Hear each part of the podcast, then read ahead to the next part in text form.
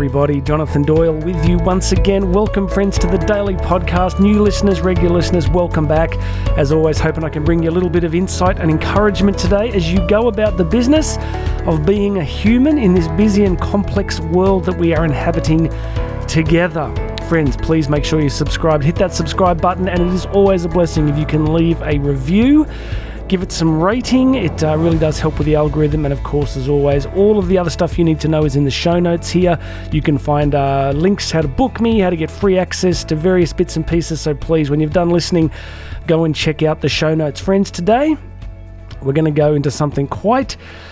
Well, when you first hear it, it's quite challenging, and uh, I think all of us like to be told that everything's good and that we're good and that everything's going to work out just fine we uh, we like that. I think there's enough difficulty and challenge in the world without being told that there's more and more problems. So uh, today's message is going to be a challenging one for me and for all of us. I read this last night. I've actually been reading through Douglas Murray's latest book, The War on the West.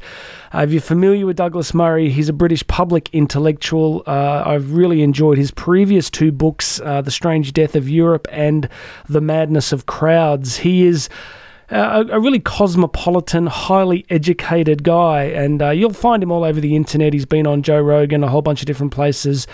Just one of those people that uh, thinks deeply. I'd say he's probably been trained in.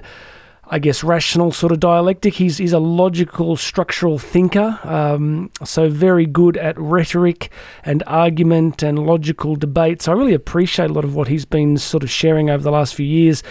His latest book, The War on the West, is basically referring to this kind of vast self loathing that has rolled out, I look, over a significant period of time in, uh, in the West in terms of all sorts of complex issues. We are being taught to, I think, in some ways, despise our own history and tradition, and I think his book speaks to the heart of that. But uh, let's not go down that rabbit hole right now. Some of you I know will disagree with that thesis, some of you will be very supportive of it, and uh, you know, I guess that's the point, isn't it? That uh, one of the things that would be helpful in the world at the moment is the ability to at least have a disposition to listen to other insights and ideas, uh, even if they're contrary to what we uh, we know to be true. It's worth just listening to understand another perspective. I think that's something worth doing. It doesn't mean we agree with it or validate it. It just means we have the decency to listen to it. And uh, you know, it's something that I've been working on over the years, just to actually try and deeply understand where other people are coming from, particularly when they disagree with me. I've got a long way to go.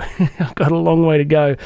But you see, in the book uh, last night, I've almost finished it, but he sort of he argues that at the root of a lot of what we're seeing culturally is a deep kind of sense of resentment. Often I talk about the victim mentality that pervades the world, and I think victim mentality is highly destructive. It's destructive of cultures, it's destructive of self, it's destructive of relationships, because it's it does a few things. Once we're deeply down the rabbit hole of victimhood, we give our power away immediately. And as I always say, I'm not denying that there have been historical injustices at times. I'm not being flippant about it. I know that those are very real things. But once we really surrender ourselves to a victim mentality, then our power is externalized. And what Douglas Murray would say is that once we find an outward source to blame, we exonerate ourselves from doing the hard work of basically living. If you can point to an external force and say, that is the reason that I am unhappy, that's the reason I don't have what I have, well, eventually, what do you do next? I mean, what do you do next? When, and, and this is what I want to get to. He's actually quoting in the book Friedrich Nietzsche, one of the uh, most influential figures of 19th century philosophy, had a vast impact in continental philosophy, particularly um, as the National Socialist Nazi movement emerged. A lot of Hitler's thinking was based deeply on, I guess, on Nietzsche's concept of the Übermenschen, and the Superman principles. Uh, we don't need to go down that rabbit hole. Nietzsche was brilliant, but just extremely dangerous. You know, he used to say on stage that guns don't kill people, ideas do. And he's quoting Nietzsche because Nietzsche's trying to get to. I guess part of what Nietzsche would say is that we need to take radical, radical, radical, radical responsibility for our lives that we need to accept the difficulty and pain and hardship of life and not flinch from it, but actually accept that if we're going to fully, I guess, develop who we are, um, then we need to accept the difficulties of life, take powerful responsibility for our lives, and press on. Now, I know I've got such a diverse listenership. I'm not endorsing Nietzsche's philosophy per se. Um, like a lot of things, you know, in life, there's there's some value, there's some gold buried deep in some pretty challenging and uh, rather toxic ideas. But let me just give you this. He quotes him here, and he sort of says, "Somebody must be to blame." But you, this is Nietzsche, but you yourself are this somebody. You yourself alone are to blame for it. You yourself alone are to blame for yourself. Remember how I started saying this was going to be a tough episode? You yourself are to blame for yourself. Wow. I know a whole bunch of you just lost your mind. You're like, hang on, hang on, hang on, hang on. What about people that are victims of abuse or trauma or violence? You telling me that they are responsible for what happened to them? Of course they're not. Of course, that's absolutely not what I'm saying. What Nietzsche's getting at is eventually, as we look at the tapestry of our life, no matter what's happened to us, eventually we have to take responsibility. Let me give you an example. I don't know if this is uh, accurate, and I'd love you to sort of email me or jump across on the YouTube channel, leave some comments, and tell me I'm crazy. But when I had my accident in 2019, I, uh, you know, it was majorly physically, majorly is that a word? I guess it is.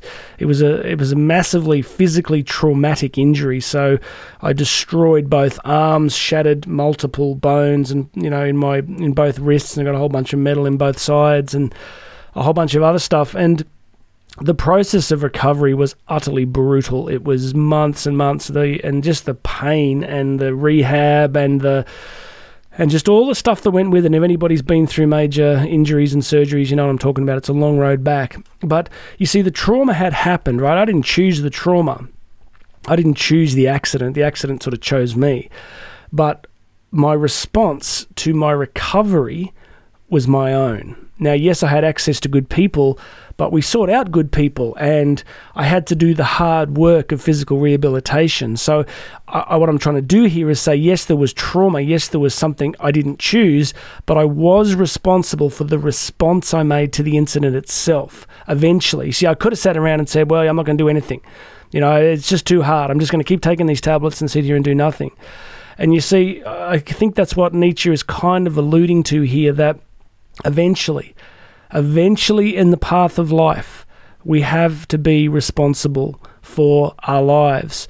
That doesn't mean we don't process the pain, we don't, uh, you know, seek justice where necessary, but sooner or later, we have to become responsible for ourselves. Now, I know some of you listening going, Jonathan, I am responsible. I'm an adult. I'm talking about a deeper level here. I'm talking about a responsibility for all outcomes. You look at the work of someone like Jocko Willink, who you may have heard of, uh, US Navy SEAL commander, wrote a couple of really important books on leadership and strategy, and you know has developed a huge following online. Um, and his he wrote a book called Radical Responsibility. You know that, that what they what they sort of developed in special forces was this idea that that you had to be radically responsible for every area of your life. That you couldn't blame someone else. You couldn't pass it off as somebody else's problem. If something broke down and went wrong, why did it go wrong? Who was responsible? How do we make sure it doesn't happen again? So I think this runs contrary to the victim mentality that we're going through as a culture. It's much easier to point to multiple reasons why we can't do X, we can't have X. It's the economy, it's the government, it's my wife, it's my husband, it's my kids. I do it. I struggle with it all the time. I got to That's why you know, if this podcast had an audience of 1, I would still be listening to myself going, "Yeah, Jonathan, listen to yourself. This is good. This is good. You got to put this into practice." So I think my friends that the way forward is to look at the areas of our life where there is brokenness and pain and look at how we can step into responsibility for ourselves in each of those areas. Now, there will be a spiritual component, there will be prayer. Depending on your tradition, there could be all sorts of different aspects on a spiritual level. You know, we're not orphans, we're not cosmic orphans. God wants to guide us and grow us through these systems. There might be people. You know, it's uh, 7:20 in the studio here today. I was up at four. I had a 4:15 call with. Uh, I got a spiritual director in the US, and where I'm on the call here at 4:15 a.m. because I've always tried to seek out really good people to have input to help me grow, to help me take responsibility and step up and stand up. So trust me, friends. If uh, if you're hearing any blame or condemnation in this message today, it's uh, it's definitely accidental because I'm speaking to myself here about this responsibility piece. So I think that the rejuvenation of culture, of education, of family life, of personal life, of civic life, of the public square, a lot of it's going to have to do with people going, you know what? I ain't going to blame this or that or this system or that person anymore. I am going to take responsibility. I am going to be responsible for my life and my outcomes as best I can in partnership with God, in partnership with the universe, however we frame that. And I'm going to keep going. So, friends, can I just ask you, like, is there an area of your life at the moment where you are handing over power? I've said this in many podcasts over the years. Then let's hear it one more time from Nietzsche, who says, Somebody must be to blame, but you yourself are this somebody. You yourself alone are to blame for it. You yourself alone are to blame for yourself. And when Murray unpacks this, when Douglas Murray unpacks that idea, he says that once you move from resentment, once you move from jealousy, once you move from blame, he says what it does is it tends to unlock a huge amount of energy. Because all that energy that's been focused on other people and on other people causing problems is suddenly released and unleashed into the world. And I really like that idea. I think it's a very powerful one. That as we move from blame to responsibility, this energy is unleashed. All right, that's it for me today. Uh, let me know what you think. Like, if you think it's crazy, uh, hit the link here, come across to the YouTube version and put a comment because I'm going to do a YouTube version of this in a moment.